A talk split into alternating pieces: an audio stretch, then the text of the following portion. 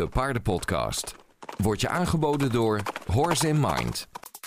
In deze aflevering Ik wil niet alleen maar alleen mezelf filmen en dan af en toe een paardenvideo. Ik wil gewoon een paardenkanaal. Want ik Ja. zie een gat in de markt. Ik zie dat het werkt. Ik vind het leuker om Ja. mijn passie te delen met andere gepassioneerden. En dat, ja, dat werkt gewoon vet goed. Want ik was de paardenmeid. En ik deed ook al YouTube. Dus die combinatie was ook echt niet goed op de middelbare school. Dit is de Paardenpodcast.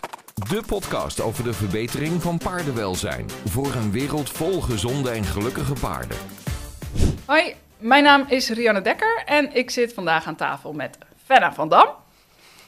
Beter bekend als hoefwijzer van eh, eh, YouTube, maar inmiddels ook op Instagram al eh, flink aantal volgers en, en oplopend nog altijd, hè? Nou, daar, laten we het daar even niet over hebben. Oké, oké, vooruit, vooruit. Ehm, maar, waar- nou, een ander cijfer wat ik dan toch wel even ga noemen... is dat op eh, eh, YouTube je alweer ruim 150.000 abonnees hebt. Eh, en ik zag bijna 970 video's. Ja, veel Ja, gewoon richting de duizend. Ja. Oh, maar goed, verdeeld over zeven jaar, hè? Ja, Ik bijna zag, acht. eh, ja. Ja, want ik zat even te kijken, wat zijn nou de alleroudste, zeg maar. Dan zie je een hele kleine schattige Fenna. En dan eh, eh, zeven jaar geleden inderdaad. Dus eh, al best een poosje bezig. Nou, Fenna heeft twee paarden, Moos en Noora. Maar goed, wie Fenna volgt, die weet dat natuurlijk al lang. en je houdt je veel bezig met natuurlijke huisvesting, voeding, hoefgezondheid, gezonde training. En nou ja, eigenlijk alles wat er bij paarden houden en trainen komt kijken. ja, klopt. Dus eh, eh, je, je YouTube-kanaal gaat ook niet over één van deze thema's, maar je pakt gewoon echt alles mee wat zich afspeelt in het leven van, eh, van jou en je paarden.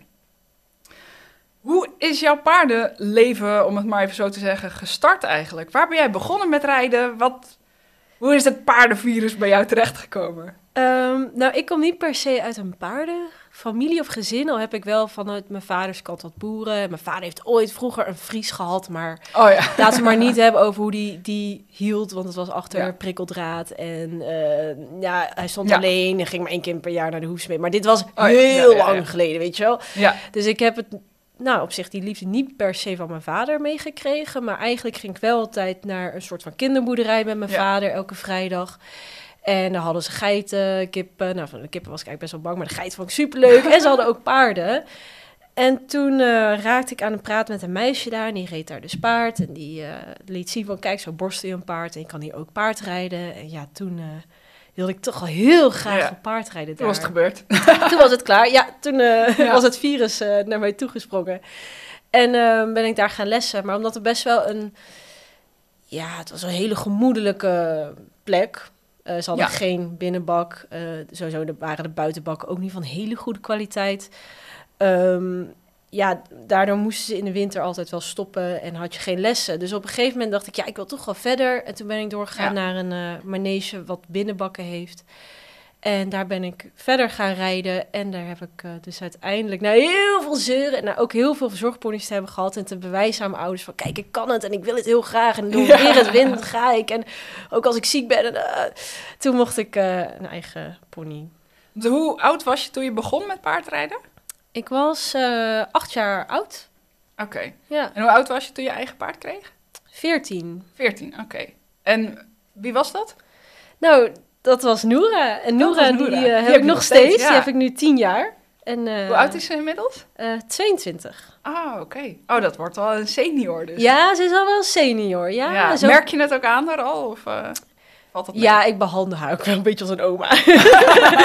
ja, dus misschien ligt het weer aan Ja. mij. Nee, maar ze heeft ook wel hier en daar wat kwaaltjes. Want eh, sinds ik haar heb, heeft ze al best wel blessures gehad. Ja. Eh, in een peesblessure, omdat ze was getrapt door een paard. En ze had op een gegeven moment ook... Was, had ze iets heel vaags en toen bleek na heel veel onderzoeken dat in het spronggewricht wat bot verdween of zo. Oh, was, hmm. Ja, ik weet, ook, ik weet het allemaal niet meer. Want ik was zelf ook nog 15 of 16, was super jong, dus ik begreep dat niet zo goed. Dus eh, ze is al meerdere keren met vervroegd pensioen gegaan. En nu zit ze ook nog wat te kwakkelen met haar gezondheid. Dus eh, daardoor dus vind ik haar al veel sneller een oma. Want ze heeft gewoon al heel veel wel met haar lichaam gehad. Ja, precies. Eh, en Moos is je andere paard. Wanneer is hij erbij gekomen? Vijf jaar geleden. Ah, Denk dus ik. toen was je ook je YouTube-avontuur al, eh, al gestart? Ja, en ik denk dat Moos ook wel echt mijn YouTube-avontuur een boost heeft gegeven. Ja, omdat eh, niet alleen ik een nieuw paard ging zoeken, wat natuurlijk heel interessant is en wat ik ook Ja, deelde voor ja. een groot deel. maar ook omdat hij echt een heel speciaal karakter heeft. En heb ik hem daar ook voor gekozen? Ja, toch wel een beetje. Dat ik toch wel dacht, ja, hij heeft wel iets heel speciaals in zich. Al was hij Ja. ook wel, ik moet zeggen, toen ik hem net kocht, was hij nog niet zo knap als nu. Dus ik, ja, het, ik had hem niet gekocht eh, per se om zijn uiterlijk, omdat hij toen al zo knap was. Maar eh, hij had gelukkig zijn karakter hij mee. Hij was toen zeven. Oh ja. Ja, maar had nog niet zoveel gedaan in zijn leven. En hij had Ja, ook eh, ja, een eh, ja, wat minder fijn verleden. Want hij Hmm. stond bij iemand, had een gespleten kies. En hij stond bij een paard die niet liet eten, want er waren niet genoeg hooipunten. Oh ja. Dus hij werd als fjord graadmager. Ja, ja. dat, eh, dat, dan moet je wel heel ver gaan als je wil dat een fjord graadmager wordt. Dus hij had best een beetje een achterstand. Hij was bijna net zoals een drie- of vierjarige Ja. toen ik hem kocht. Maar hij was dus maar je, je zag hem en je dacht alsnog van, dit is hem. Ja, het, het grappige was, ik was dus op zoek naar een paard en ik kreeg een berichtje van iemand en zij had Moos, of ja, hij heet eigen, hij heet Garfield. Garfield? ja, ze had Garfield gekocht en om hem op te knappen, want ze had het dus gekocht van iemand die hem dus Ah. zo had eh, behandeld. Of zo ver laten komen. En toen ehm, had zij mij een bericht gestuurd. Zij wist ik, dat ik op zoek was naar een paard. Door mijn YouTube-kanaal wist ze dat. En ze zei, ik heb misschien wel een leuk paard voor jou. En het was een rode fjord. En ik, was, ik ben gewoon al, sinds ik begon met paardrijden en een penny las... was ik fan van Jolande Adelaar Superguus. En ja, dat is ook een rode fjord. Ja. En ik heb ooit, ook had ik een blog en had ik geschreven... ja, ik wil later ook een rode fjord, net als Superguus. En ik heb het gewoon gemanifesteerd. ja. ja. Dat is grappig. Ik heb wel de paarden gehad waarvan ik zei, dit wil ik nooit. maar ik kreeg het paard wat ik nodig had, zeg maar. Dat zeggen ze altijd. Oh ja, je krijgt niet wat je wil, maar je krijgt wat je nodig hebt. Tot Mon Amour. Mon Amour heb ik wel echt helemaal zelf uitgezocht. En Ja. past perfect heel het goed. ja. Maar dat was wel na een aantal andere paarden waarvan ik nooit had gedacht dat ik zulke paarden zou hebben. Nee. Hoe was dat met, met Noora? Oh, Noora. Nou, Noora is een NRPS en heeft heel veel Arabiers bloed. En ik ben eigenlijk ook nooit van de Arabieren geweest. Maar ja, ik wilde gewoon eigen paard. Dus Eh, maakt ook niet uit. Dan ben je ook nog zo jong dat je denkt, ah, ik wil gewoon een eigen paard. En dan kan ik er zelf voor zorgen en zo. Ja, en, ik had dat niet zo, Ja, eh, precies. Al- je houdt dan nog gewoon van alle paarden ook. Ja, Dan- ja, dan ben je dat niet zo kieskeurig. En op zich, ja. ik had nog niet zo heel veel verstand van paarden en rassen. Hmm. Kijk, je, je, je opent de pen en je ziet een tinker. En je denkt, oh, die is cool. Ik vind tinkers nu super cool. Ja, zo ging dat. Ja, zo simpel ging dat.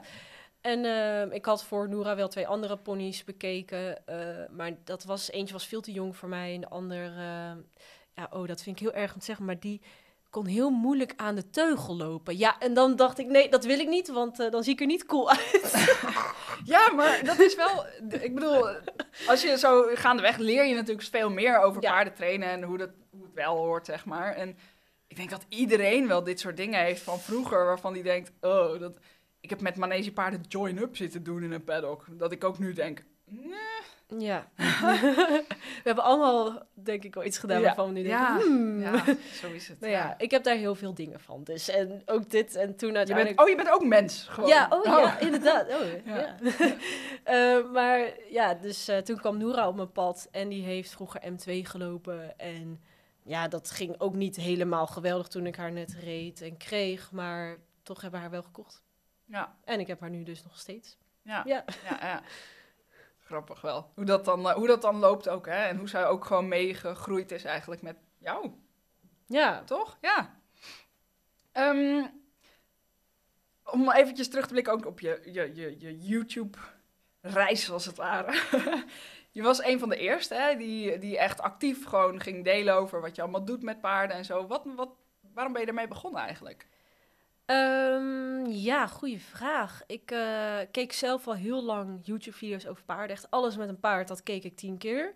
Ja, En ik was misschien wel een van de eerste mensen die echt heel actief vlogs ging maken. Maar bijvoorbeeld hè, Ja. Jolande Adelaar met Superguus, maar ook een Joyce en JD de Vos. die waren echt sinds 2007 of zo al actief. En ja, Ja. toen begon mijn paardenliefde ook, dus dat was perfect. Ja. En eh, Dus ja, dan moet ik het eigenlijk anders zeggen. Je was de een van de eerste die ook echt ging vloggen, ja, zeg maar. Dat was wel weer anders dan paardenfilmpjes maken natuurlijk. ja, Dat was, ja, zeker. Klopt, Ja, ja. En eh, nou, dus die ben ik, eh, die hebben mij zeker geïnspireerd. En gewoon heel veel andere video's, ook Eva Roemaat en Jesse Trent, weet je, al die, nou ja, dat is echt van de hype-tijd nog. ja. En ik werd zelf ook YouTuber. Ik maakte als kind al filmpjes over slijgpaarden. Dan ging ik stop-motion video's maken dat ik zo mee aan het spelen was. Nou. En dat groeide uiteindelijk uit totdat ik mezelf ging filmen. Maar echte paardenvideo's deed ik hier en daar wel. Of dan filmde ik, eh, volgens mij was dat vanuit, vanaf 2014 filmde ik ook. Ik heb een springles gehad. Of ging ik op buitenrit. Maar ja, uiteindelijk eh, ja, dacht ik in 2016... eh, ik wil niet alleen maar alleen mezelf filmen... en dan af en toe een paardenvideo. Ik wil gewoon een paardenkanaal. Want ik Ja. zie een gat in de markt. Ik zie dat het werkt. Ik vind het leuker om Ja. mijn passie te delen... met andere gepassioneerden. Ja. En dat, ja, dat werkt gewoon vet goed. Ja. En was het, is het dan meer gestart vanuit, eh, eh, nou ja, dat je, dat je opkeek tegen anderen die, die je dat ook deden en dat je dacht, ah, dit, dit vind ik ook leuk, dit ga ik ook doen?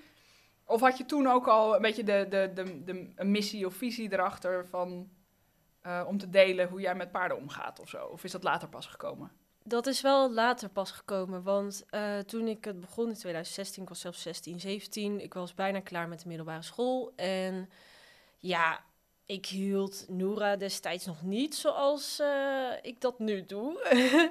ik heb gaandeweg heel veel geleerd. En ehm, mij was het meer van, ik wil mijn paardenleven delen en instructievideo's maken. Zodat ja. ook de manege waar ik destijds stond, dat die die video's aan hun manegeruiters konden laten zien van kijk, zo zaal je een paard op. En dat zij Oh, ook wat ja, minder ja. eh, hulp hoefden te geven. Ehm, alleen was het wel na een tijdje, ik had 20.000 abonnees. En eh, ik werd op de manege daar continu gevolgd en bekeken. En ik dacht op een gegeven moment, nou, het past niet zo bij mij. En daarbij, ja. Noora kwam net uit een blessure en die begon ik ook steeds een beetje meer te rijden. En toen dacht ik, nou, ze stond daar eerst dan 24-7 buiten op de soort van pensioenweide. Ja. En toen dacht ik, nou, ik wil toch denk ik wel even ergens anders zetten. Ja, Meer rust. meer rust Ja. voor mij en eh, iets wat ook wel goed bij haar past. Ja. En waar, wat heb je toen gedaan? Waar ben je naartoe gegaan? Oh, naar een stal daar om de hoek. eh, gewoon privé stal met maar een paar Ja. paarden. En, eh, Gewoon kleinschaliger, zeg maar. Ja, ja. ja, ik kan me voorstellen wel. Dat als je dus op YouTube inderdaad flink aan het groeien bent... en je staat op een manege met allemaal kinderen die die YouTube-video's kijken... kan me voorstellen dat dat niet heel ehm, rustig eh, nee. lekker naar je paard toe gaan is. Zeg Nee. maar. Ja, ja. Ehm, het is natuurlijk, de, door de jaren heen is het, is het onwijs ge- ge- ge- gegroeid. Vanaf wanneer is die, is die missie er zeg maar bijgekomen? Zo van, oké, ik maak wel ook wel gewoon laten weten, weet je, wat mijn visie is op paarden houden of paarden trainen of wat dan ook. Dat, dat, eh, dat je het meer op die manier aanvliegt. Ja, ik denk dat dat heel langzaam aan is gekomen. Want nou ja, toen ik het net begon, had ik instructievideo's. Maar toen begon ik bijvoorbeeld ook al een video op te nemen met Danielle Meijboom. En zij leerde mij klikkertraining en vrijstressuur.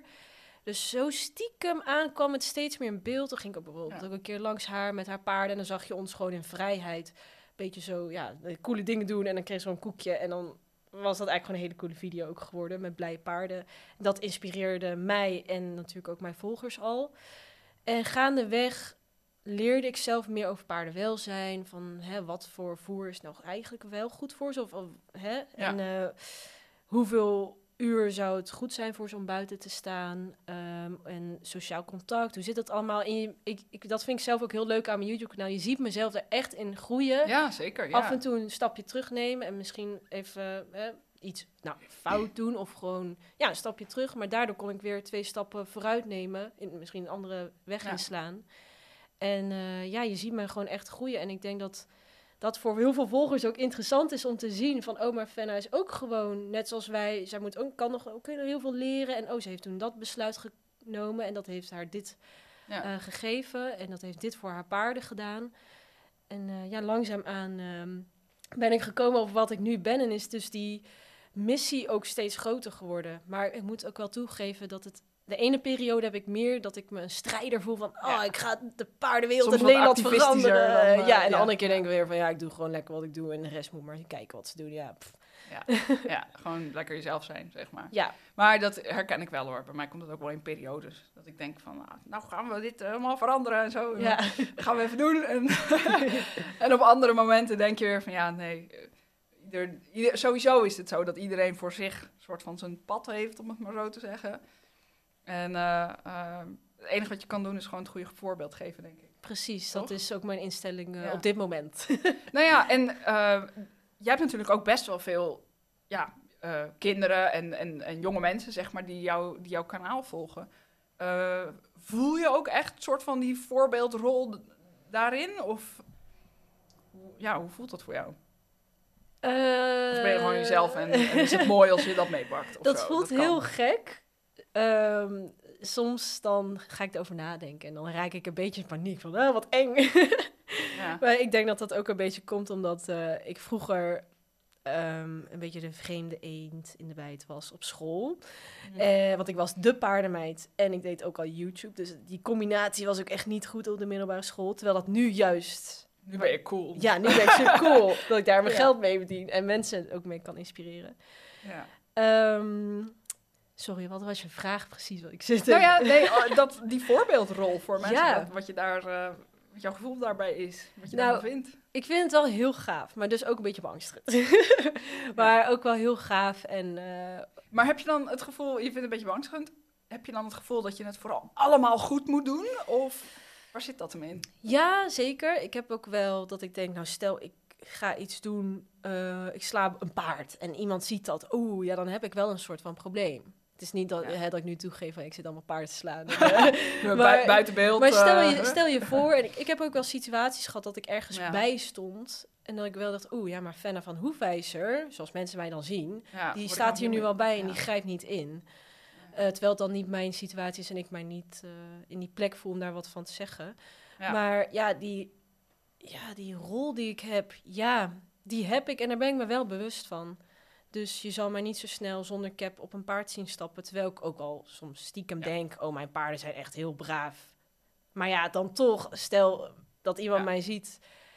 Om die reden doe ik zeker wel cap op. Natuurlijk ook voor de veiligheid, maar ook, ja, De voorbeeldrol. de voorbeeldrol. Ja, ja, of als ik een vlog opneem, dan zeg ik toch wel gauw van... oh, eh, onze paarden hebben altijd beschikking tot hooi... want we willen niet dat die maag leeg komt te staan. Dat je toch stiekem, zet, zet je er af en toe wel... of zet ik er wat, zeg ik er wat bij... om toch de mensen stiekem wel te inspireren. ja. ja. En ehm, is het dan, want je kan natuurlijk gewoon het, het- dat soort dingen tussendoor zeggen om inderdaad te, te inspireren. Heb je ook het gevoel dat je soort van je moet verantwoorden voor de dingen die je doet? Of? Ja, nu sta ik wel heel erg achter met wat ik doe op het moment. Eh, maar ik heb ook periodes gehad waarvan ik wel diep van binnen wist van... Hmm, dit zit niet helemaal lekker. En je kan niet altijd meteen een situatie veranderen. Bijvoorbeeld als je op een stal staat waar ze niet zoveel buiten komen...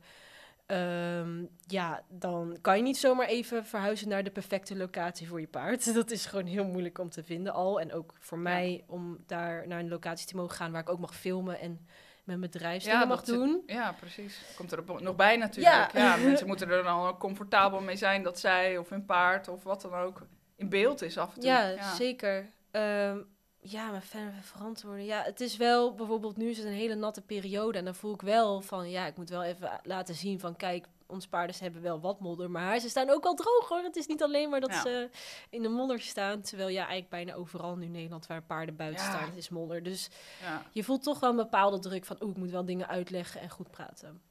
Ja. ja, nou ja, kan ik me ook voorstellen. Ook omdat het zo mak... eh, Zo'n video is natuurlijk... Weet je, ja, je kort het in tot, tot 10 minuten, 20 minuten misschien een keer. eh, maar het is natuurlijk zo kort. En ja, eh, als je elke keer alles moet laten zien wat er omheen gebeurt, wat de voorwaarden zijn en zo, ja, dat kan gewoon haast niet. Nee, klopt. Dus ik, ik moet ook al zeggen, soms laat ik dingen eruit als ik denk, ja, ik heb echt geen zin om dat uit te leggen. En ik weet dat Ja. wij het met goede intenties hebben gedaan of er is iets per ongeluk gebeurd. En op video zien dingen, dingen er gewoon gauw harder uit. Eh, bijvoorbeeld, eh, we hadden dat we een schriktraining deden bij ons op stal en een paard bleef per ongeluk ergens achter haken en die schrok daarvan. Ja, dat is natuurlijk niet de bedoeling, maar dat ziet er dan heel, heel heftig uit. En dan kan ik kiezen of ik ga dit er gewoon uitlaten en ik leg niet uit. Of ik ga het als thumbnail doen en dat allemaal mensen erop gaan klikken. Want die denken, wow, er gebeurt iets heftigs. Maar vaak kies ik ook wel van, nee, laat het gewoon maar buiten beeld. Ja. En, want ja, we- weet je, het paard is er nou oké en het was niet de bedoeling. Kan gebeuren, maar het ziet er gewoon heel gauw heftig uit op beeld. Of, ja. Ja. En zie je dat ook terug in, in reacties, dat mensen dingen uit hun verband trekken? Of valt het mee bij jou? Gebeurt wel, vooral op TikTok. Oh, er ja. zitten hele gekke mensen. Ja. Dus daar kijk ik ook niet zo gauw weer naar de reacties. De- Er zit best wel verschil ook tussen verschillende social media, hè? precies. Als je, als je kijkt naar publiek op, op TikTok en reacties, of op Instagram of op YouTube, is een heel verschil. anders, ja. hebben we het nog niet eens over Facebook gehad. Nee. Maar Facebook doe je niet zoveel mee, of wel? Nee, en Nee. daar zit mijn eh, doelgroep ook niet echt. Er zitten Nee. vooral wat oudere mensen. eh, en ik, ja, ik hoef, ja, de Facebook doelgroep, ja, nee, daar, dat, dat voel me nu wel echt heel oud. hoeft niet hoor. Wat oudere mensen. wat wat... eh, nee, maar jouw, jouw doelgroep is vooral echt onder 25 wel, hè? Voornamelijk, ja, hoofdzakelijk, ja, ja, hoofdzakelijk, ja. Ja, en die zitten gewoon minder op Facebook tegenwoordig. Ja, ja, Ja, de meesten zo hebben geen ja. Facebook meer, nee. Ja, ja. Maar eh, ik heb bijvoorbeeld een keer gehad dat eh, dan liet ik zien van, oh, dit voer ik mijn paarden. Nou, ze krijgen dus altijd beschikking tot onverpakt hooi. Dus ze kunnen de hele dag zich lekker vol eten. Ja. Nou, dat doen ze dan niet zo letterlijk, maar ze eten gewoon de hele dag lekker goed ruwvoer. Ja. En dan laat ik dus zien, wat voer ik daarnaast? Ja, dan krijg je wel reacties. Oh, zij voert haar paard echt helemaal niks. Terwijl ik echt denk, hallo. Ik, Niks. ik geef ze een balancer en hier en daar wat kruiden of zo. Eigenlijk zoals het hoort. Hè. Je wilt Ja. zo min mogelijk willen toevoegen. Want als je allemaal dingen moet bijvoegen, dan dat is eigenlijk geen goed Dan is de teken. basis niet goed. Ja. Nee, Ja. dus je merkt dat zeker dat er gewoon nog wat kennis mist bij wat mensen, of vooral de jeugd, eh, omdat ze dat bijvoorbeeld meekrijgen op ouderwetse maneges. Ja. Dat ze dat wel soms naar mij toe schieten. En dat ik wel een beetje denk van, hé, hey, ik doe het gewoon goed hoor. ik doe mijn best, of eh, ik doe niet alles perfect, maar ik lees me wel in dingen in en eh, probeer heel veel te leren, zodat als ik iets laat zien, dat Ja. ik weet van, oh ja, dit ben ik niet aan mijn duim Je kan het gezogen. onderbouwen, zeg maar. Ja. Ja. vaak wel. Ga je dan in gesprek met die mensen? Soms en soms denk ik, ja, pff, geen zin in hoor. Het een beetje af van de intentie van de reactie. Precies, want er Ja. zijn ook al heel veel kinderen die nou ja, gewoon nog niet echt weten hoe het internet werkt en hoe je met elkaar om moet gaan. Al zijn natuurlijk Ja. ook heel veel volwassenen zo. Maar eh, Zeker. ja. Eh, maar soms denk ik, het, het heeft al geen zin omdat je voelt dat iemand het al met slechte intenties zegt. En Ja. het is ook wel hoge bomen vangen veel wind. En Zeker, ja. er zijn heel veel mensen jaloers en hebben afgunst.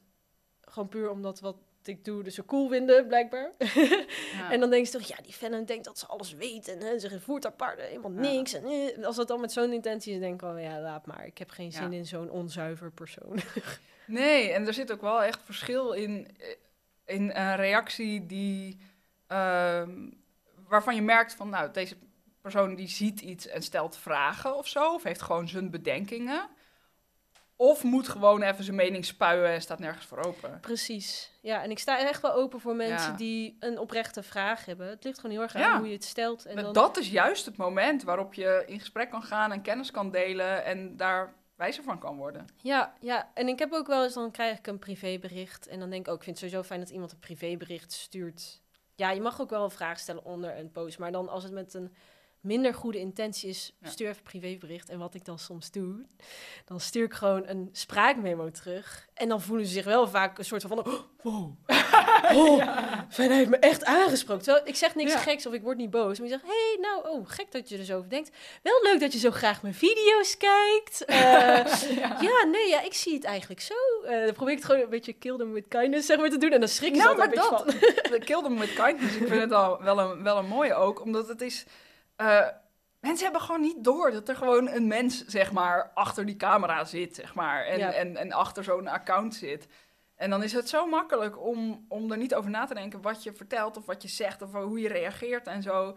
En dan zijn ze inderdaad een soort van, oh shit, eh, in het echt hadden ze het nooit zo tegen je gezegd. Nee, klopt. Dat die waarschijnlijk niet eens aan durft kijken. Nee. Ik heb een tijdje, twee weken terug of zo, mailde ik naar mijn mailinglijst. Zo van, ehm, eh, ik ben Mon Amour aan het inrijden en het gaat goed. En ehm, dit is waarom het eh, zo lang geduurd heeft. Ze is inmiddels ruim zeven en eh, ik ben er nou pas mee begonnen. Dit is de reden. Fotootje erbij. Hartstikke trots, hartstikke leuk. Hartstikke, leuk, hartstikke lief en mooi paard natuurlijk. en dan krijg ik binnen een uur een reactie van iemand en die zegt... ehm, eh, ja, toch jammer dat je dan toch de behoefte voelt om er nog op te gaan zitten. Niet echt paardvriendelijk. Uitgeschreven. En ja, je, dan kun je twee dingen doen. Je kan het of eh, laten gaan, of erop reageren, of in de verdediging schieten. Dus je kan eigenlijk drie dingen doen. En ik dacht, ja, wat zal ik nou doen? Ik heb... Mijn eerste reactie was eigenlijk om gewoon te reageren, weet je. Om in gesprek te gaan en te vertellen hoe en wat. Uh, maar toen ik ook zag dat ze zich meteen had uitgeschreven en zo, dacht ik, ja, weet je, laat maar. Want die, die staat niet open voor gesprek. Terwijl ik heb natuurlijk ook een podcast opgenomen met Amber. Die, Ja. eh, die echt heel bewust niet paard rijdt en daar ook een duidelijke mening over heeft. Ehm, maar dan kun je nog wel gewoon in, in gesprek gaan en discussie voeren en voor's en tegens. En nou, voordat we de, deze podcast opnamen natuurlijk, hè, zei jij ook van... ik hoorde in een oude aflevering dat, eh, dat je erover dacht om niet meer te gaan rijden. Nou, inderdaad, ik heb daar ook over nagedacht. En ik heb heel bewust voor mezelf en voor moeder de keuze gemaakt om het toch te gaan doen. Maar mensen nemen gewoon aan dat ik daar nooit over nagedacht heb. Dat ik er toch lekker op ga zitten Ja. en dat dat dan vet onvriendelijk Ja, is. dat het heel zwart-wit is, hè? Dat het heel zwart-wit is. Helemaal En geen dat vind ik dan zo zonde. Nee. Terwijl als je zo met elkaar gaat praten, dan is het weer oh ja, oh, je hebt echt over nagedacht. Ja. Dan, dan, je, je mist dat menselijke stuk dan. ja, precies. Nou ja, en als het dan inderdaad met zo'n intentie ehm, met je ge- tegen, ja, gedeeld wordt, dan denk ik ook, oké, Houdoe, verwijder. Ja, inderdaad. Dus als ze vragen gesteld had of wat dan ook, dan had het echt helemaal geen probleem geweest. Nou, wie weet luistert ze dit en Ja, eh, voelt ze zich nooit. nu schuldig. nou, het, het- wat mij betreft, ze hoeft zich helemaal niet schuldig te voelen, maar gewoon, ehm, als je verandering wil aanbrengen in de paardenwereld, dan, weet je, net als wat jij doet, je, je legt uit wat je doet, je laat zien wat je doet, waarom je het doet, hoe je het onderzocht hebt, waar je op uitgekomen bent en waarom je denkt dat dat goed is voor je paard. Ja, en dan de ander heeft misschien een andere conclusie en dat mag. Precies, ja. Maar om het allemaal gewoon maar meteen af te fikken en, en helemaal de, de andere kant van het eh, ja, te kiezen, zeg maar. Dat is zo zonde, vind ik. Ja, Maar goed, dat merk je soms ook wel Ja. met, ja, met comments en zo. En zeker. haters, zeg maar. Ja, oh, ik moet wel zeggen, bij mij valt het wel echt mee. Maar dat komt ook omdat ik dus nu niet meer echt op TikTok kijk. En Ja. ik, ik scherm er ook wel een beetje voor af, want het vreet energie. Ja, ja je moet ook kiezen ja. waar je energie aan besteedt natuurlijk. Ja. ja. Ja, en ik besteed mijn tijd echt veel liever aan de positieve reacties. En dat klinkt misschien een beetje cheesy. Maar ik probeer het in ieder geval te doen. ja. En eh, ik heb bijvoorbeeld een hoefwijzerclub. En er zitten mijn grootste fans in. Nou, dat is zo goed voor mijn mentale gezondheid. Ja, nee, maar dat kan ik me voorstellen. Alleen maar gewoon fijne mensen. Maar die ook al... Hè, soms zijn ze het niet eens. En maar dan praat je daar met heel veel respect met elkaar daarover. Ja, Dat, dat vind ik fijn. ja. Da- nou, datzelfde merk ik wel in, in de Horse Mind community inderdaad, weet je. Dat je Ja. echt een groep hebt, gewoon met gelijkgestemde mensen. En natuurlijk heb je wel eens dat er mensen anders over denken of zo. Maar dan kan dat gewoon besproken worden in plaats Precies. Ja. van dat er meteen lelijk gedaan wordt. Ik accepteer het ook gewoon niet hoor, in de community. Dat is, dan moet je, dan moet je, het is gelukkig nog niet voorgekomen, maar stel dat iemand inderdaad eh, volledig afgefakkeld wordt door, door een ander lid. Nou, het is echt, echt Nee. een no-go. Nee. Echt een no-go. Moet wel gezellig blijven. Ja, en Ja. ik vind, ehm, nou ja, jij hebt dan dus ook die, die, die, die voorbeeldrol, zeg maar. Dus daar zit dan ook, ja, een soort opvoeding klinkt zo heftig, maar zit wel een stukje opvoeding in ook, van hoe je met elkaar omgaat. Ja. Als het gaat om, Ja. om paardenwelzijn en we hebben allemaal het beste voor met onze paarden, toch? Ja. Ook zij. Ja, klopt. Ja. Nu je dat zegt, nu denk ik...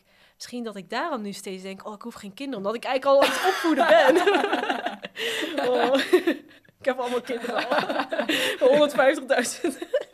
Precies. Oh, ja. YouTube mama. ja, oh nee. Oh, dat klinkt echt verschrikkelijk. Oh. Ehm, ik was ook nog wel eventjes benieuwd naar eh, of jij ook een, een- echt een doel hebt met, met Hoefwijzer, met je kanaal. Wat, wanneer is het voor jou een, een succes? En dan bedoel ik misschien nog niet eens van een bepaald eindpunt wat je wil halen en dat het dan succes is of zo, maar ja, wat, wat ervaar je als succes? Nou, ik heb laatst een succesmoment gehad. Ehm, iemand die eh, ik heel goed ken, goede, eh, ja, goede verbinding mee heb. Zij vertelde mij, ze had een soort van inspiratiedag. En dat was eigenlijk meer voor volwassenen. Maar er was ook een twaalfjarige meid die meeging. En ehm, zij vertelde mij dat die twaalfjarige gestopt was bij de manege, want ze stond daar niet meer achter. En ze ging dus mee eh, naar die Paddock Paradise om daar wat van te leren. En ze vertelde dat dat dus kwam door mij. Oh, cool. Terwijl ik, ja. hè, even voor de duidelijkheid, ik zeg nooit in mijn video's van stop bij het rijden bij oude traditionele maneges en ga alleen voor Parallel Paradises. Nee. zo probeer ik dat absoluut niet te brengen. Maar blijkbaar had gewoon door wat ik laat zien, ja. eh, had haar geïnspireerd als 12-jarige om te stoppen bij een manege. Cool? En het anders te proberen te doen. Ja. En ze zoekt een verzorgpaard, ehm, waarbij ze dus wel eh, ja, wat Ja. paardvriendelijker daarmee kan om, om kan gaan. Al is dat heel lastig voor haar. Ja. Maar ik dacht, toen ik dat hoorde, dacht ik, wow. Dat is dus eigenlijk het hè? succes. Dat voelde voor mij als een succesmoment. En Ja. dit is vast niet de enige waarbij dat is gebeurd. Of zijn Hoor, hoor je het wel eens vaker van mensen die dingen echt veranderd hebben door wat ze in Zeker, ja, dat ze bijvoorbeeld met voerbeloning zijn gestart of daarover gaan leren. Of Ja. Dat soort al kleine dingetjes, denk ik, oh, Ja, leuk cool. Ja. Heel, ja. dus dat is voor mij al succes. Dus natuurlijk, er valt altijd nog meer te behalen, maar dat ik al, nou, bij wijze van spreken, vijf mensen heb geïnspireerd om het anders te doen en dat ze ook goed resultaat daardoor zien, Ja. denk ik, oh, oh wat Tof, gaaf, hè? ik heb een succes behaald, ja. Ja. Ik, nou ja, dat, dat herken ik wel inderdaad. Ik had met de, met de, eh, de podcast... Ja, ik, ik spreek mijn luisteraars natuurlijk niet zo vaak... eh, bij jou gaat het heel erg om beeld natuurlijk. En dan ook op YouTube is het heel normaal om, om te reageren en zo onder de video's. En, maar op een podcast, ja, over het algemeen kun je niet zo makkelijk reageren op een podcast. Dus ik spreek mijn luisteraars heel weinig. Dus als ik dan op een event ben, zoals Hoef Event laatst, of, eh of Equiday of zo, en dan komt dan iemand naar je toe en zegt, eh, ja, ik herkende je stem. En dat, ik, dat vind ik dan al super grappig. Ja. Van, oh ja, ik ben dan niet in beeld, maar mensen horen mij wel de hele tijd natuurlijk.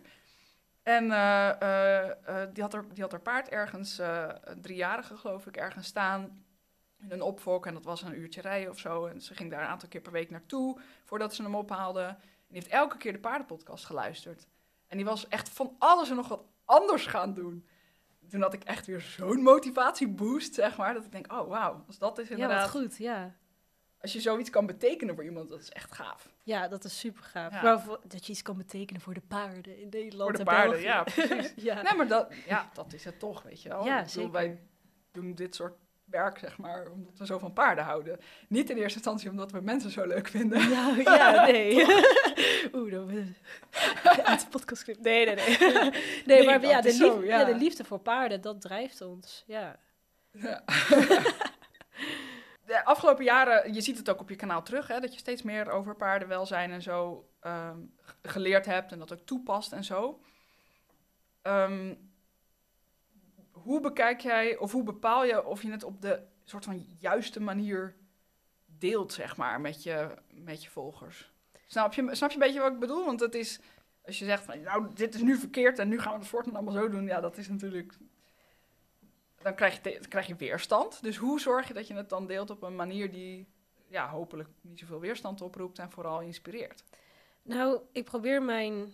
Ja, ik probeer heel veel inspiratie van andere mensen op het internet te halen. Er is gewoon zoveel gratis kennis te vinden. En hè, ik luister ook eh, de paardenpodcast. Ik heb denk ik ook alle afleveringen geluisterd.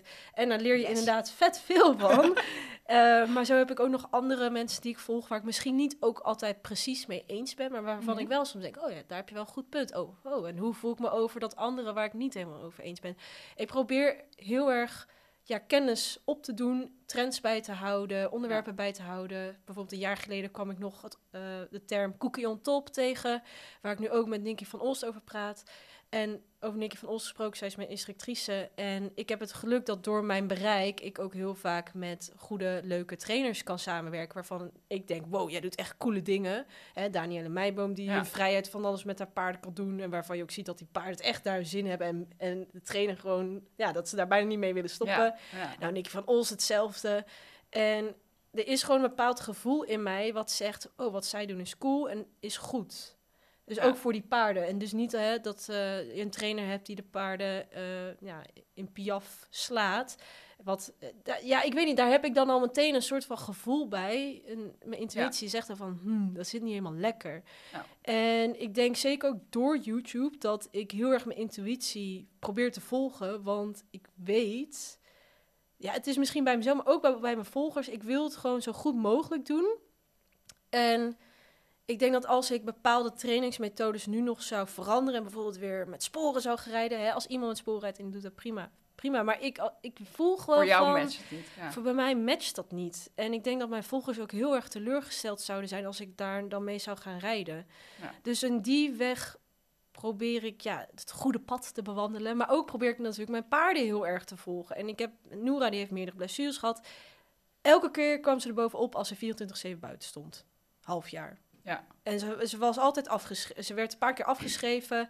Ze was, eh, we hadden haar bijna een paar keer ingeslapen. En dan zetten we haar 24-7 buiten. Poef. En toen was ze weer beter. Ja, nou, oké, Ja. het was niet letterlijk zo. Maar het was wel dat ik altijd dacht: oh, 24-7, dat is wel heel goed medicijn. Ja. Ehm, en toen met Moos eh, had ik ook eh, wat problemen. Ik stond eerst op een stal, een sportstal. stond ik daar met mijn koudbloed. Ehm, En wa- wanneer was dat? ik denk, ja, vijf jaar geleden. Ah, oké, al wel een tijdje Ja, terug. dat is alweer even geleden. En eh, misschien is al bijna zes jaar geleden. En daar stond ik eigenlijk eerst met Noora, want zij moest herstellen van een peesblessure. Dat ging uiteindelijk niet. En ik moest een bak hebben met, nou, met goede bodem, dus ik kwam daar terecht. Maar toen ko- kocht ik Moos en dat klikte gewoon daar niet helemaal. Want hij stond eh, overdag vier uur buiten en dan in de zomer op een weide en dan in de winter op een paddockje. Maar hij was gewoon strontvervelend. En dat zie je ook terug in mijn video's. en toen, ja, uiteindelijk, ook omdat je zoveel kijkers hebt, je krijgt hier en daar tips en ook wel soms ongevraagd advies. Ja. Eh, maar soms zit er wel wat goed bij. En eh, hè, werk je ook samen met trainers die dan toch zeggen van ja, hmm, misschien die eh, huis, de huisvestiging is niet helemaal top. Of, je, of sowieso ook door de mensen die ik volg online. Bijvoorbeeld Marloes van Uki's Paddock Paradise. Die, daar had ik ook Ja. heel goed contact mee, want die werkte destijds nog bij Agradi. En toen begon ik ook met Agradi samen te werken. En ehm, ja, door hier en daar werd je gewoon geïnspireerd. En merkte je ook dus aan je paard, het belangrijkste in dit verhaal, van oh, dit werkt niet helemaal voor ons. Ja. Ja. En dan ga je toch maar gewoon verder zoeken. Ja, ik ben gewoon altijd een beetje aan mijn gevoel gaan volgen. Ja. En natuurlijk hè, het advies en de inspiratie omheen. Dus in die zin ben ik gewoon verder gaan leren. En dus door platformen zoals eh, Horse in Mind eh, ben, heb ik gewoon heel veel bijgeleerd. Cool. Ja. Ja, en gewoon logisch gaan nadenken. Nou ja, maar dat is het ook. Ja. Als je natuurlijk meer leert over het wezen paard, dan, zijn, dan worden sommige dingen ook eigenlijk zo logisch. ja, Ja.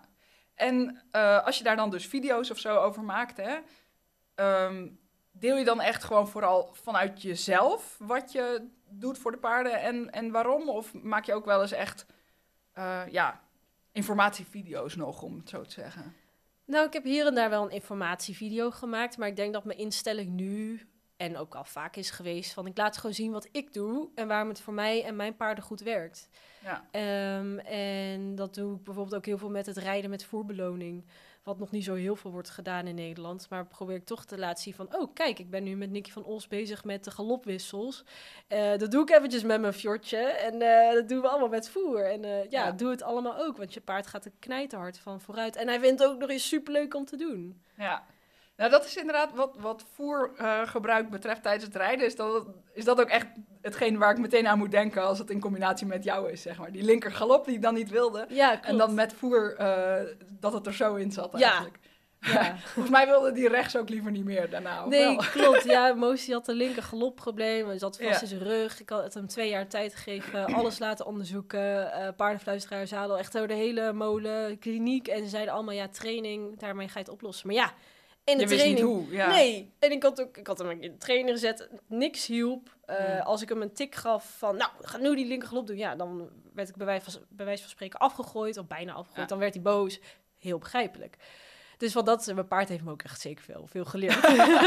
en eh, even mij een positieve straf gegeven toen. Ja. Ehm, dus ja, en toen eh, ging mijn voerbeloning werken. En na drie jaar, poef, deed hij het. En toen vond hij het zo leuk. Inderdaad, ik, ik stapte op. Het eerste wat hij deed was linkerglop. En eh rechtglop deed het opeens niet meer. En dat heb ik het toen ook nog moeten aanleren met door middel van snoepjes. Ja. En nu doet hij die glop Dan zeg je, vet hallo, als ik snoep krijg voor die linker, dan wil ik ook snoep voor die Nee, rechter. precies, heel slim, heel slim, ja. Het blijft wel een fjord, hè? Ja. dus ja, voerbeloning heeft bij mij echt iets losgemaakt. Dat is echt... eh, en dat Gebruik je het nog steeds veel in het rijden? zeker, ja, Ja. heel veel. Als ik stap op en moep, koekie. Ja. Nou, en nog iets wat je heel anders doet dan andere ruiters, is eh, eh, dat je eigenlijk gewoon geen hoofdstel gebruikt. Je hebt een, een leren bit. ja. Het enige wat hij in heeft is een leren bitje. Het, echt het enige moment waarop ik die voor die tijd gezien had, was eh, bij een open dag freestyle, geloof ik, Emiel Voest. Daarna heb ik nooit meer iemand daarmee gezien, tot jij voorbij kwam en denk hé, hey, Verrek, dat leren beetje. Hoe ben je daar zo opgekomen om dat te gaan proberen met Moos? Nou, ik heb met Moos altijd aanleuningsproblemen gehad. En dat komt zeker ook omdat hij niet genoeg kracht had in zijn lichaam. En ik, ja, ik, had ook heel, ik kreeg heel veel lessen, maar het kwam er nooit in. En ik dacht, nou, ik stap op een ander paard en hoppa, ik heb een goede aanleuning en het gaat prima. En ik stap op Moos en dan het zit er niet in. Ja. Dus eh, nou, dan ga ik eh, onderzoeken. Gaat weer door de molen heen. maar gaat ook het tuig door de molen heen. En eh, gaan we onderzoeken. Wilt u misschien bitloos rijden? Nou, dat hebben we ook helemaal gepast. Met verschillende hoofdstellen hebben we ook een video over gemaakt. En er kwam eigenlijk uit, er was wel één hoofdstel die goed uitkwam. Maar eigenlijk kwam uit dat dat leren bit, wat ik wel eerder had geprobeerd, dat dat het beste was. En daar kwam ik achter, doordat Mosi houdt er super erg van om op teugels te knauwen. Dus voor hem is het niet het probleem Oh om ja. iets in zijn mond te hebben, maar wat hij in zijn mond heeft is echt eh, heel belangrijk. En ja, hij, hij heeft al heel veel teugels kapot geknauwd. en altijd ook na het rijden meteen nam nam nam zo in de mond. of voor Want als je net even met lange teugel rijdt, dat hij gelijk van... Ja, ja, dus teugel ik pakt. dacht, Ja, hmm, daar moet ik iets mee. En toen kwam ik inderdaad dat leren bit tegen. Maar ik wist op zich Ja. niet dat meteen daar niet een hoofdstel aan kon. Ik dacht, oh, dat kan je, daar kan je nog gewoon een hoofdstel aan doen. Dat heb ik geprobeerd, maar dan gaat de bit niet plat liggen, maar zo. Oh ja, dat is niet fijn. Ja, dat lijkt Ja. me ook niet fijn. Ik kan het nog wel een keer proberen, maar ik denk dat dit het fijnste is voor wel. Ja. En hij deed het meteen vet goed. Het voelde alsof ik een winkelwagentje aan het duwen was. Zeg maar die aanleuning van wel contact, maar wel heel wel fijn een en mooie, licht. Ja, en eh, uitleg, ja. toen heb ik nog heel vaak gereden met andere dingen. Maar ja, we kwamen altijd terug op dat. dat, dat daar liep hij echt meteen fijn op. ja. Ja, dus ik heb gewoon Nou, het paard werkt, geluisterd. als ja. het werkt, dan werkt het. ja. Ja, klopt. ja. Nee, dat vind ik ook zeker.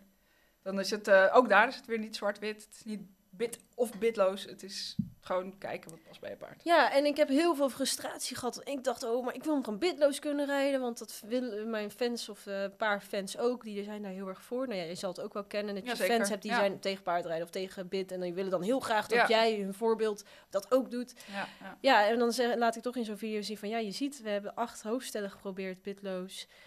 En hij loopt gewoon heel slecht. Of hij loopt gewoon niet fijn. En dan pakken we dat, bi- dat bit erbij en dan ploep. En het is niet omdat het een heel hard bit is. Het is niet eh, dat hij daar zoveel pijn van ervaart dat hij dan maar in de krul gaat. ja, want dat is dan het argument Ja. Maar het is echt omdat... nou, hij pakt hem zelf ook aan. Eh, Oké, hij krijgt wel soms koekje. Maar goed. eh, Ja, maar je ziet het verschil met andere hoofdstellen. Ja, en, Hij, en het grappige is, hij, hij kan dat bit ook zelf uitgooien. Dat doet hij ook altijd na het rijden. En laatst deed hij het ook. Dan was ik even niet aan het opletten. Ik deed mijn jas uit voor het rijden. En de poep had hij hem uitgegooid. En, dan, en dan doe ik hem ook weer te paard doe ik hem in. En pakt hij hem ook gewoon netjes aan. Dus eh, de- je merkt gewoon, er zit een hele fijne relatie tussen hem en dat bit. Het is niet van, eh, nee, ik wil het niet. eh. Maar gewoon, oh ja, oh, wel, ploep, en weer in. En ploep, en weer uit. En op. Zeg maar. Ja. Je, ja, je, Je, merkt gewoon je dat hij er het. geen last van ervaart. Zeg maar. Nee. Ja, ja. En ja, en mag, het laatste wat ik nog wil toevoegen. Het is ook met dat bit kan je niks verbloemen.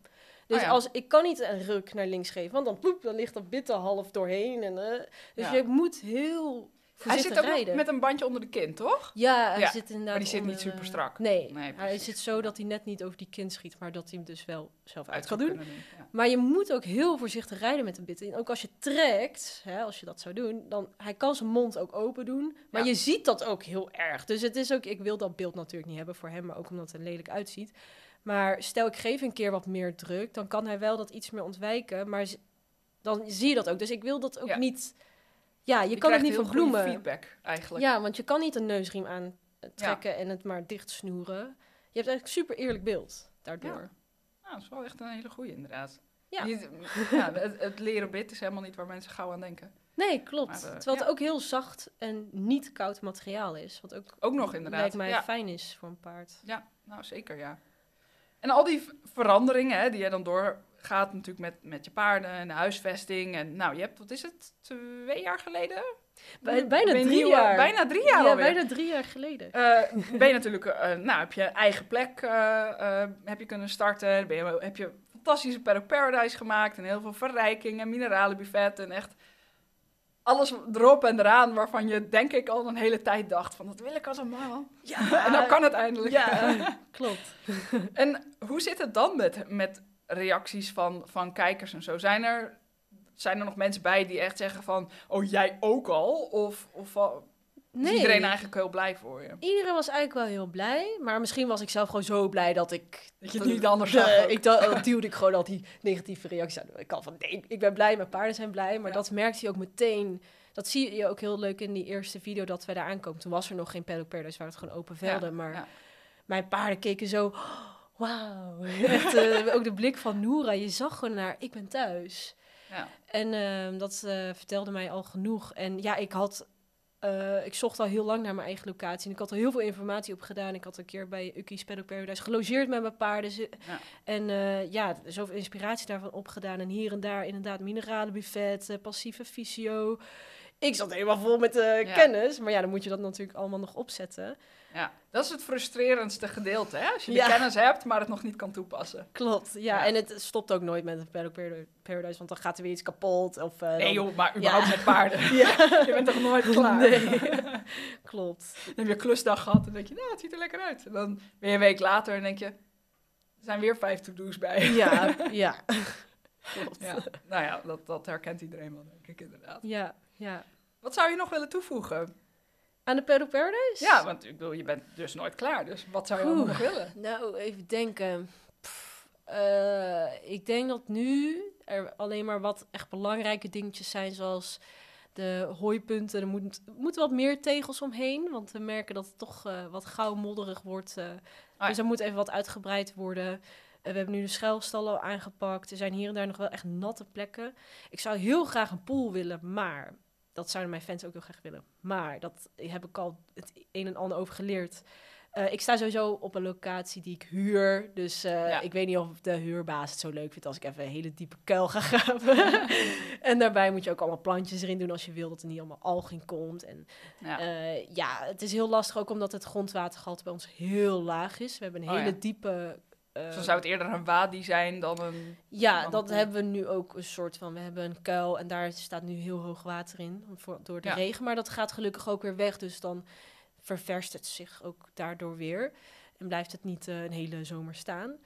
Ehm, wat ik verder wil toevoegen, ja, ik, ik moet zeggen, ik ben ook terughoudend, omdat het dus een huurlocatie is. En ja, ik snap denk, ik. Ja. ze hebben het nu ook wel prima. Ik zou wel meer snuffelhoekjes willen, eh, waar ze ook een beetje hersenwerk kunnen doen. Of gewoon ja, snuffel, kunnen snuffelen en kunnen zoeken. Het is heel grappig, van bijvoorbeeld Moos, die is heel intelligent. En die, je, die ziet je al van vijf meter iets gooien op de grond. En dan gaat hij meteen zo zoeken. en dan stofzuigend opzuigen. En Noora, die is dat helemaal niet gewend. En die kijkt dat er weer, wat is dan nou weer voor gekkigheid? En die gaat dat niet zo doen. Dus ik zou... Ja, dat zou ik het ook meer voor Moos doen. En misschien ook met Noora nog wel doen. Maar ik zou wel meer snuffelhoekjes willen. En Ja. eh, meer Ja, en verrijking. daar, daar verbetert het ook van, hè? Zeker. Ik heb, ik heb dat verschil ook met Monomoer en Glitter. Ik grap altijd, ja, Glitter is sowieso al dichter bij de grond. Ja. Dus die is sowieso beter in speuren. met haar 82 Ja. centimeter. Ehm, maar inderdaad, als ik brokjes op de grond gooi, dan, eh, dan weet zij ze te vinden. Ja, koud bloed, hè, ook, hè? Ja, zeker. nou ja, en ik kan dus echt... We, hebben, we hadden een appelboompje en die is nou helaas omgegaan. Vorige week vrijdag met oh, de storm. nee. Oh, Hij was al een beetje eh, aan het aftakelen, maar we hadden nog appeltjes. Maar Ja, nou, nou is hij weer echt klaar. Maar als ik dan een, een- al op weg naar huis ging eigenlijk... en dan pluk ik nog gauw een appeltje... en dan zie ik glitter ergens eh, 20 meter verderop staan... oh. dan roep ik er, laat ik Oh. het appeltje zien... Ja? gooi ik hem naar haar toe, moet ik wel een beetje goed mikken... en dan weet zij hem gewoon meteen te vinden. Ja. Loopt ze naartoe en eet ze hem op. Terwijl Mon en Moer die staat me echt aan te kijken zo van... dat was niet in mijn mond. Ja. ja, ja. Maar ze is er wel beter in geworden met het echt oefenen. Met, weet je wel, voer op, de, op de grond. En ehm, haar echt het laten zoeken. En nou ja, enzovoort, enzovoort. Dus misschien dat juist die snuffelhoekjes het eh, juist wel beter maken bij Zeker, zeker. Ja, en ik merk ook wel, hè, ze vindt gekke dingen gek. Hè, wat de boer niet eet, eh, of wat de boer niet doet, eh, Ja. of kent, doet ze ook niet. Ja.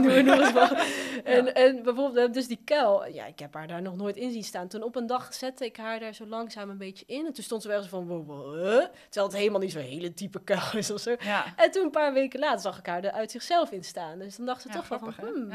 Maar ik heb ook wel geaccepteerd dat sommige dingen is gewoon buiten haar comfortzone. Zoals op Ja. een berg staan.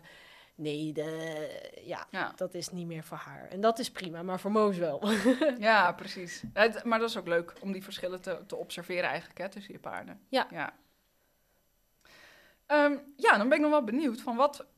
Van alles wat je, wat je allemaal kan doen qua huisvesting, voeding, hoeven, eh, eh, training en zo. Wat vind je zelf het, nou het allerbelangrijkst aan de manier waarop je paarden houdt en traint? Zit daar één rode draad in? Oeh. Of is er echt één onderdeel waar je echt de, de, nou, de meeste focus op legt? Of...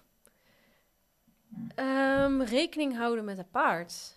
Kijken wat zij ervan vinden en ja, daar rekening mee houden. Dus dat, en dat gaat door in huisvesting, maar ook in training. Want als, ja, ik weet gewoon als ik mijn paarden 24-7 op stal zet, dat vinden zij verschrikkelijk. Ze, zij vinden het veel lekker hoe ze nu staan en dat ze de keuze hebben om met een vriendje te staan of eh, in een schuilstal te staan.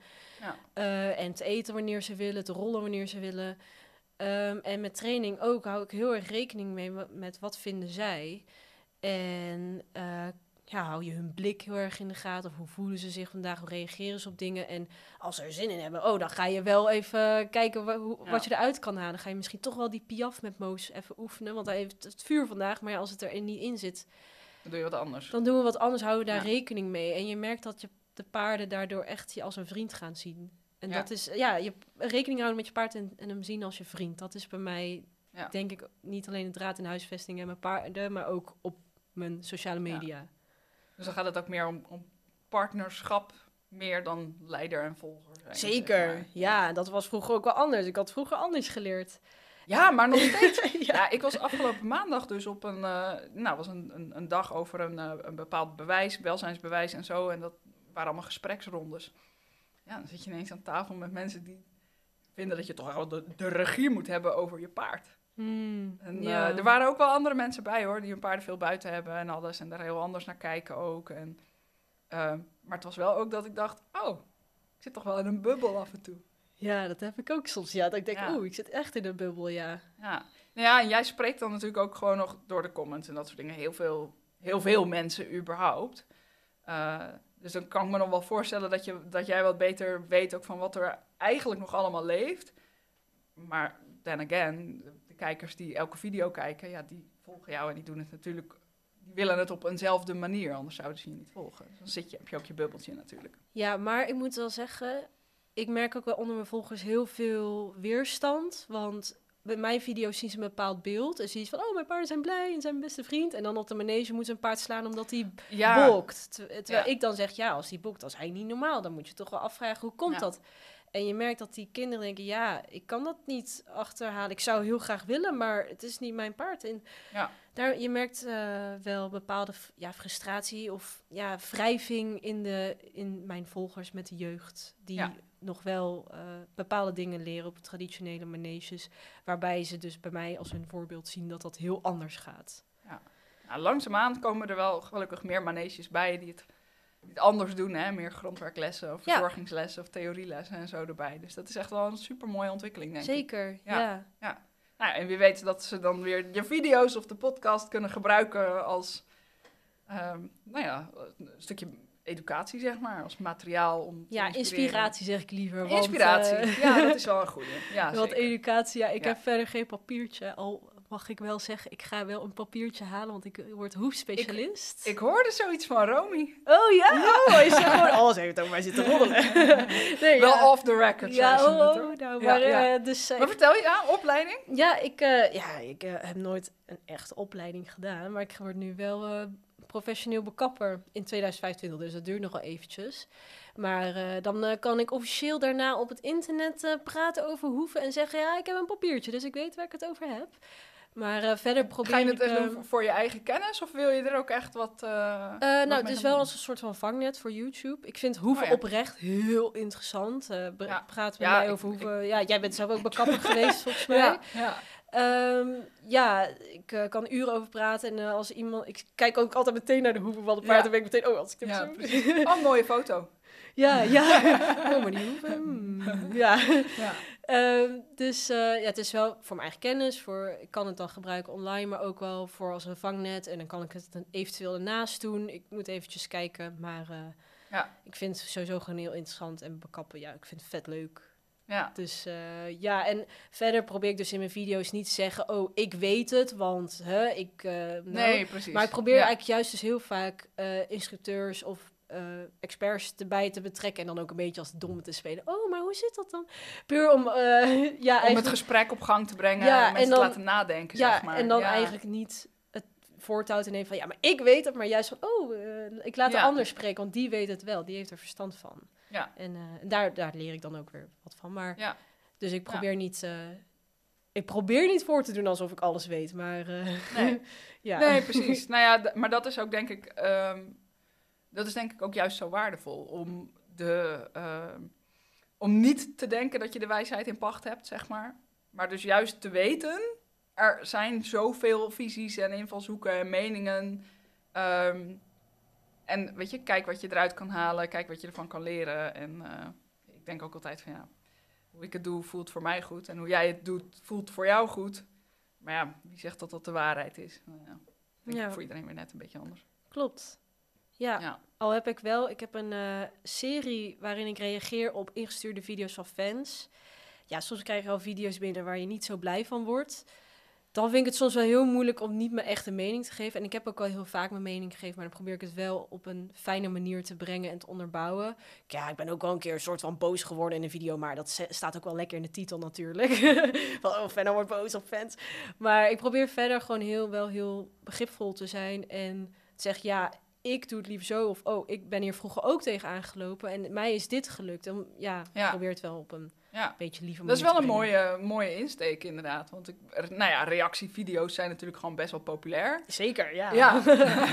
en het is handig, want mensen kunnen dingen insturen en in je video komen. En zo is het natuurlijk ook superleuk voor, Zeker, voor ja. fans. Ehm, maar inderdaad, dan kom je natuurlijk wel eens wat tegen waarvan je denkt, nou, hier, hier ben ik het niet helemaal mee eens. En dan is ja, uitgelezen kans lijkt me inderdaad om te vertellen hoe jij het zou doen of op zou lossen of wat dan ook. Of nou ja, gewoon een stukje inspiratie mee te geven. Ja, Ja. precies. is dan wel weer eh, eh, anders dan gewoon een reactievideo waarin het is hahaha en dan door naar de volgende zeg Nee, maar. klopt. Ja, dat heb Ja. ik ook wel eens gedaan hoor. Maar eh, of dat doe ik soms nog wel eens. Maar probeer ik echt wel te kiezen dat het echt wel gewoon echt grappige filmpjes zijn. En niet Ja, verkapte, mishandelde paardenfilmpjes. Ja. Nee, maar dat zie je natuurlijk op TikTok of Instagram of zo. Ja, je ziet best wel veel van die reels of TikToks dus voorbij komen. Zo van, haha, grappig dat het paard dit doet. En dat je eigenlijk denkt, oh, ja, het ja. paard is gewoon echt zo niet happy. Nee, Dus dat, klopt. en ehm, dat zien sommige mensen gewoon nog niet. Nee, nee, Nee. nee, nee, precies. Nou ja, en dan is het juist wel heel tof als je het kan laten zien en kan, eh, nou, een beetje mee kan geven van ja, maar wat zie je nou eigenlijk op deze video? Ik denk dat dat alleen maar echt super leerzaam is. Het is gewoon een nieuwe 2.0 categorie van reactievideo's. Ja, klopt. Ja, Ja. is wel cool. Paardenwelzijn. Alright, ehm, dan wil ik je nog heel graag even twee vragen voorleggen. Want ik eh, eindig elke aflevering natuurlijk met vragen over paardenwelzijn. Want daar gaat de paardenpodcast natuurlijk over. Het verbeteren van paardenwelzijn op alle vlakken. Ja, als jij paardenwelzijn een definitie mag geven, wat zou dat zijn voor jou? Ja, dit heb ik natuurlijk al eh, heel vaak gehoord in jouw podcast. En eh, dan dacht ik ook altijd van, oh, wat zou ik antwoorden? En voor mij ehm, gaat het dus heel erg wel om je paard zien als een paard. Hem erkennen als een paard en niet als... Hè, om hem te, je moet hem niet vermenselijken. Je Ja. moet denken, wat heeft een paard echt nodig? En dan kom je op de basisbehoeftes. eh, eh, goed, ruwvoer, eh, het liefst ja, onbeperkt als dat kan in die situatie. Ja. Met soortgenoten staan, maar dan ook in een veilige, fijne groep staan. En eh, ja, zoveel mogelijk vrije beweging krijgen. Het liefst de hele dag door. Ja. En, of een vrije keuze, in hoever dat ook kan. Eh, hè, dat ze, zoals ik ook al eerder noemde, kunnen rollen en spelen en doen wat ze maar willen op dat moment. Eh, behalve misschien gas eten, want dat kan. Kan niet voor je worden ze, paard, hè, je, ja. je wordt, ze worden wel in bepaalde dingen beperkt, maar wel zoveel mogelijk eh, keuze hebben in dingen. En eh, ja, dat je ze gewoon echt erkent als paard en vriend. Ja. Ja, dat is voor mij paardenwelzijn. Dat je echt rekening met hem houdt. Mooi, ja, dankjewel. Ja. ja, en nou, ik stel wel eens de vraag zo van, nou, vijf jaar verder in de paardenwereld, hoe hoop je dan dat het eruit ziet? Maar bij jou wil ik hem even toespitsen op Hoefijzer. Waar hoop je te staan zo over vijf jaar? Hoe ziet het kanaal er dan uit? Wat doe je dan? Nou, dat vind ik echt heel lastig, want eh, nou, vijf jaar geleden was short videocontent nog helemaal niet zo populair als nu. Dus TikTok en eh, YouTube Shorts en Instagram Reels, dat was vijf jaar geleden nog helemaal niet zo groot als dat het nu is. Dus je kan heel moeilijk inschatten van, oh, wat gaat social media over vijf jaar zijn? Ja. Dus, en ja, mijn kanaal of eh, mijn bedrijf staat voor heel groot deel uit social media. Dus ik weet dat niet zo goed en ik vind dat heel moeilijk om in te schatten. Eh, ik kijk liever ook altijd een jaar of twee vooruit. En ik weet nu dus dat ik die opleiding ga doen. Dus dat geeft ook wat meer vastigheid. Eh, dus ja, over vijf jaar met hoefwijs sta ik weet niet. Maar ik hoop echt dat, ehm, dat door gewoon hè, makkelijke vlogjes te maken... een beetje te reageren op mijn fans... en er gewoon te zijn en gewoon mijn ding te doen... dat ik daardoor nog meer mensen heb geïnspireerd. En dat, eh, Ja. ja, dat, ik, dat ik gewoon nog steeds eh, dat kan blijven doen... of misschien zelfs een iets beters uit heb weten te halen... En ehm, ja, dat Hoefwijzer in ieder geval nog over vijf jaar is. En dat ik gewoon op een fijne, vriendelijke manier mensen kan inspireren. Ja. En dat niet mensen denken, oh, die Fenna die trekt weer de mond open. Oh, pff, ik ben er wel zat ondertussen. Ja, zij weer, oh jee.